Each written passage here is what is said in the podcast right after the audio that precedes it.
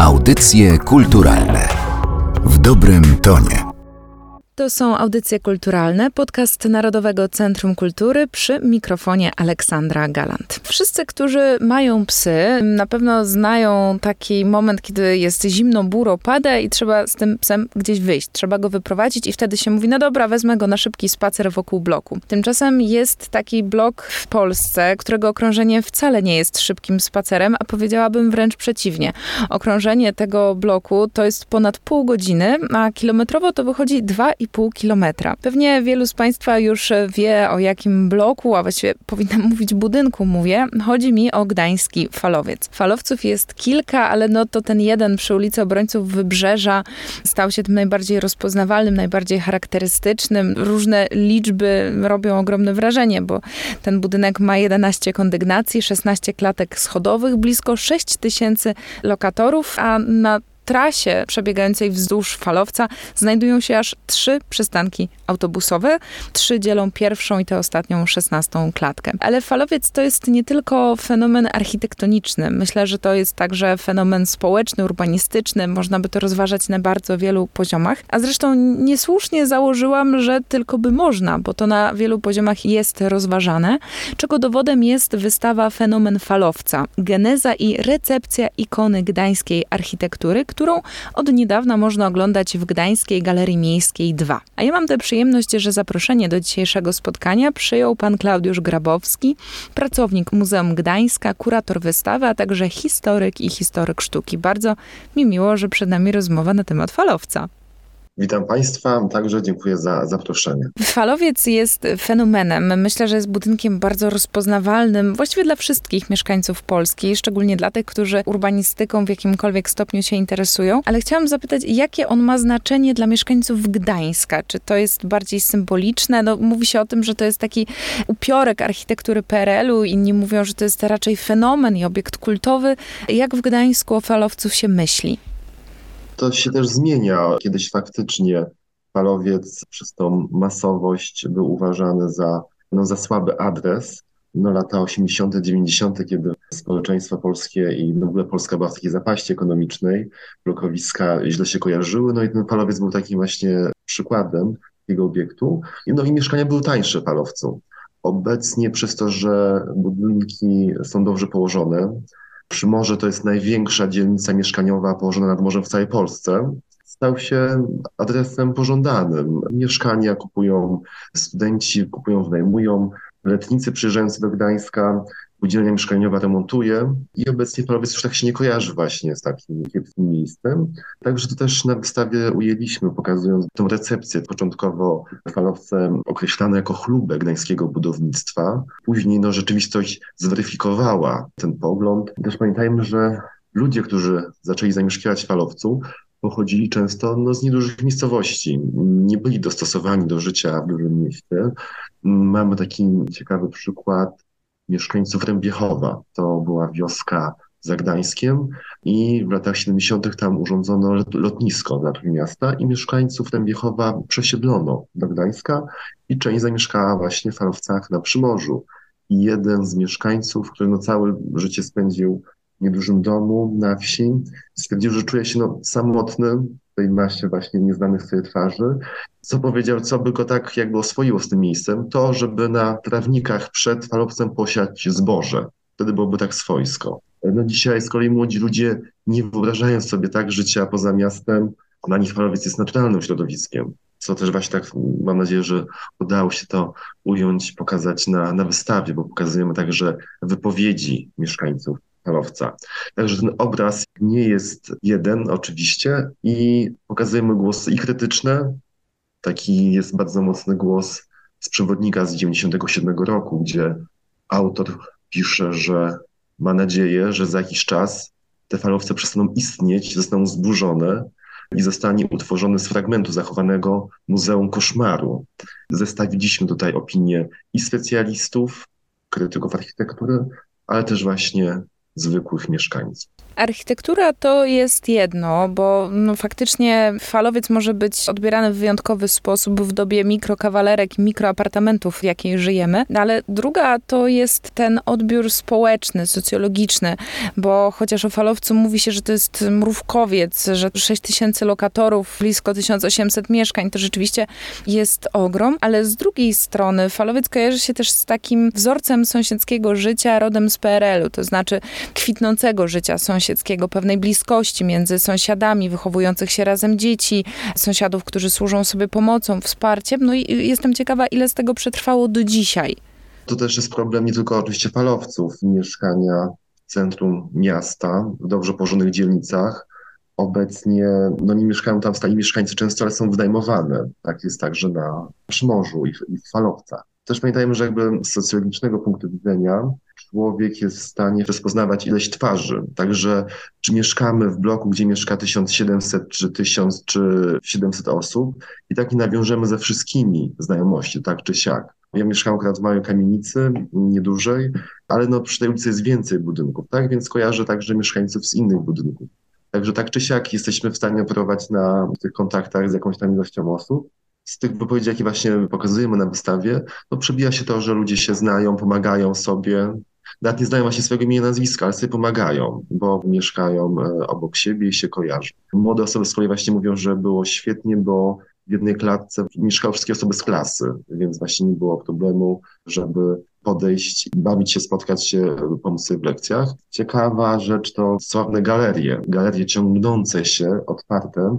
Znam panią, która ma lęk przestrzennej wysokości, więc żeby dojść do swoich rodziców, właśnie musiała przejść przez galerię i dla niej to było no, wyzwanie i szła pod ścianą. Z kolei jedna z mieszkanek się wypowiada, że jak wysiadając z tramwaju spadł ulewny deszcz, szybko weszła do trzeciej klatki i galeriami przeszła suchą nogą do swojego mieszkania, nie zmokła. Także są oczywiście plusy i minusy tego mieszkania i to zależy od podejścia do tego i to głównie determinuje to, jak falowce odbieramy, jak są odbierane.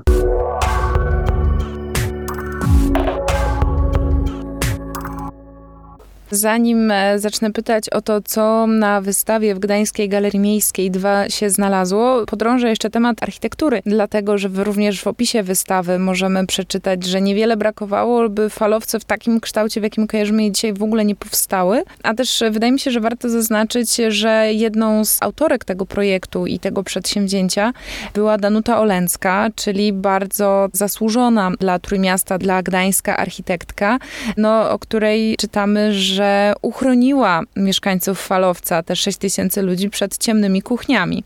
No nie tylko te 6 tysięcy, też mieszkańców właśnie pozostałych falowców. Falowce powstały w wyniku konkursu na Przymorze, na dzielnicę mieszkaniową. Konkurs z 1959 roku. No i wygrała taka odważna wizja Tadeusza Różańskiego Józefa Chmiela, jakby takim głównym akcentem urbanistycznym były właśnie ciągi długich, powyginanych bloków. Konkurs wygrany, ale później, gdy doszło do realizacji, były dyskusje, że budowa takich obiektów, takich budynków może jest zbyt dużym wyzwaniem i był pomysł, żeby zastąpić te ciągi falowców punktowcami, wieżowcami, które od 1956 roku projektowano w Gdańsku i sukcesem postawiono w kilku dzielnicach. Różański, bo Różański został głównym projektantem dzielnicy. No, walczył jak lew o ten swój pomysł, to wiem z opowieści pani Danuty Oleńskiej. Nie odpuścił i falowce miało zostać zbudowane, aczkolwiek Różański musiał pójść na ustępstwa i ta bryła budynku jest nieco inna niż zakładano początkowo. Początkowo jeszcze Chmiel i Różański zakładali, że budynki mają mieć taką bryłę schodkowaną, jak bloki na Gdańskiej Zaspie chociażby i generalnie miało mieć wysokość do 6 pięter i w pewnych momentach miało być wypiętrzone do 11. Później doszło do realizacji. Inwestor, żeby uzyskać jak największą liczbę mieszkań, no bo o to chodziło na Przymorzu, stwierdził, że jak fundamenty są wylane, no to trzeba pociągnąć to do 10 pięter, tak żeby uzyskać maksymalną ilość mieszkań. I z tymi wytycznymi Różański oddał do projektowania parowiec Danucie Olenckiej, swojej koleżance z miasta projektu. I pani Danuta Olencka wykonała projekt falowców, aczkolwiek założyła, że te galerie od strony właśnie północnej mają być kryte i mają być podwieszane co dwa piętra, i schodkami w dół, schodkami w górę miało się wtedy wchodzić do mieszkań. Także ta elewacja od strony północnej byłaby także jeszcze ciekawiej rozrzeźbiona. Inwestor znowu po zapoznaniu się z projektem stwierdził, że budowa, konstrukcja takich galerii jest zbyt kosztowna i trzeba jeszcze większe oszczędności prowadzić. Więc Różański, żeby zachować projekt swojej pracowni w Miasto Projekcie, ogłosił taki konkurs wewnętrzny. Wzięli udział najlepsi gdańscy architekci. No Miasto Projekt to też było biuro projektowe, gdzie najlepsi pracowali. Co ciekawe, nie zaprosił do projektu pani Olenckiej, ale pani Danuta tutaj powiedziała, że trochę podziała na jej ambicje, więc poprosiła o możliwość wzięcia udziału i kombinowała, żeby budynek przeprojektować i wygrała ten konkurs. Mówi, że no, wygrała prawdopodobnie dlatego, że jako jedyna tak udało jej się zaprojektować mieszkanie, że kuchnie miały okna, bo w ramach właśnie oszczędności po prostu zaproponowano wszędzie, we wszystkich innych e, wariantach ślepe kuchnie. Takie osiedle powstało zresztą nieco wcześniej, blisko Przymorza, to jest osiedle tysiąclecia, Obecnie no to, to jest między Jelitkowem a Przymorzem. Tam właśnie to jest takie osiedle budowane oszczędnie. Nie ma, bloki są pozbawione balkonów, postawione dosyć blisko siebie i w kuchniach nie ma okien. Stąd właśnie to osiedle nazywano Pekinem. A na Przymorzu, w Falowcach ludzie mieli zamieszkać w lepszych warunkach. Udało to się uzyskać. Kuchnie mają okna. Galerie są wprawdzie otwarte, ale są. Bryła, kształt falowców to właśnie jest rezultat dyskusji, ścierania się i no wiemy, że architekci nie mieli decydującego wpływu na to, tak? Musieli się dostosować do, do różnych tak, uwarunkowań to obawiam się, że jest dosyć powszechny problem, kiedy wizja architekta ściera się z możliwościami i finansowymi, ale też takimi po prostu technicznymi, które na budowie są. Wspominał Pan już, że na wystawie możemy posłuchać mieszkańców Falowca, ludzi, którzy to miejsce znają najlepiej, bo po prostu spędzają w nim swoje życie, ale na wystawie możemy znaleźć wiele różnych przykładów tego, jak silna jest i powszechna ta recepcja Falowca. Mam tu na myśli chociażby słynną instalację czy też rzeźbę Julity Wójcik. Julitę Wójcik znaną m.in. ze stworzenia słynnej tęczy, która do pewnego momentu ozdabiała Plac Zbawiciela w Warszawie, bo ona falowiec wydziergała z włóczki. To dzieło no, jest tutaj na wystawie najbardziej chyba frapującym obiektem. To jest chyba obiekt, który przechowuje w swoich archiwach Narodowa Galeria Sztuki Zachęta. Tak, Zachęta zakupiła ten obiekt. Do tego są jeszcze bardzo ciekawe rysunki projektowe Julity.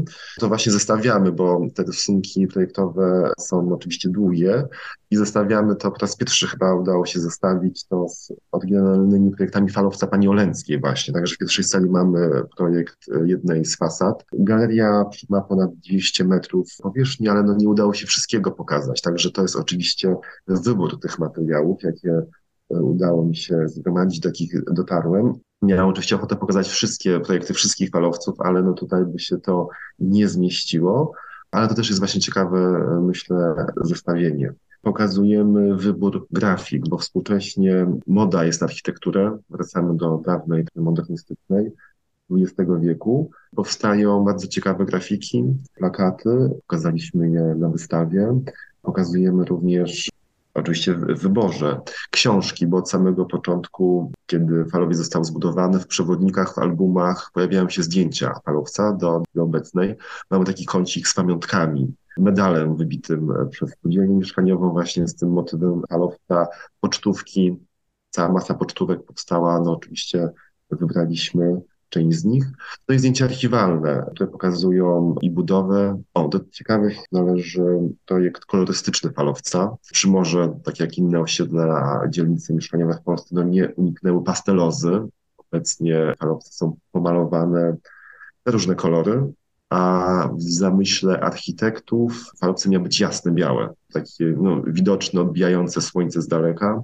No, gdyby powrócono do tej pierwotnych założeń, no falowce myślę, że tylko by zyskały. Oczywiście zwracają e, uwagę swoją formą, ale warto by ją jeszcze uporządkować pod tym kątem kolorystycznym po prostu. Falowiec przede wszystkim warto zobaczyć na własne oczy. Warto być może przejść się tą trasą od pierwszej do szesnastej klatki, poczuć trochę jego klimat, zrozumieć na czym polega jego fenomen. Pomaga w tym także wystawa pod tytułem Fenomen falowca, geneza i recepcja ikony gdańskiej architektury, którą w Gdańskiej Galerii Miejskiej 2 można oglądać jeszcze do 21 stycznia przyszłego roku. A dzisiaj w audycjach kulturalnych opowiadał o niej Klaudiusz Grabowski, pracownik Muzeum Gdańska, kurator wystawy, a także historyk i historyk sztuki. Bardzo panu dziękuję za to spotkanie.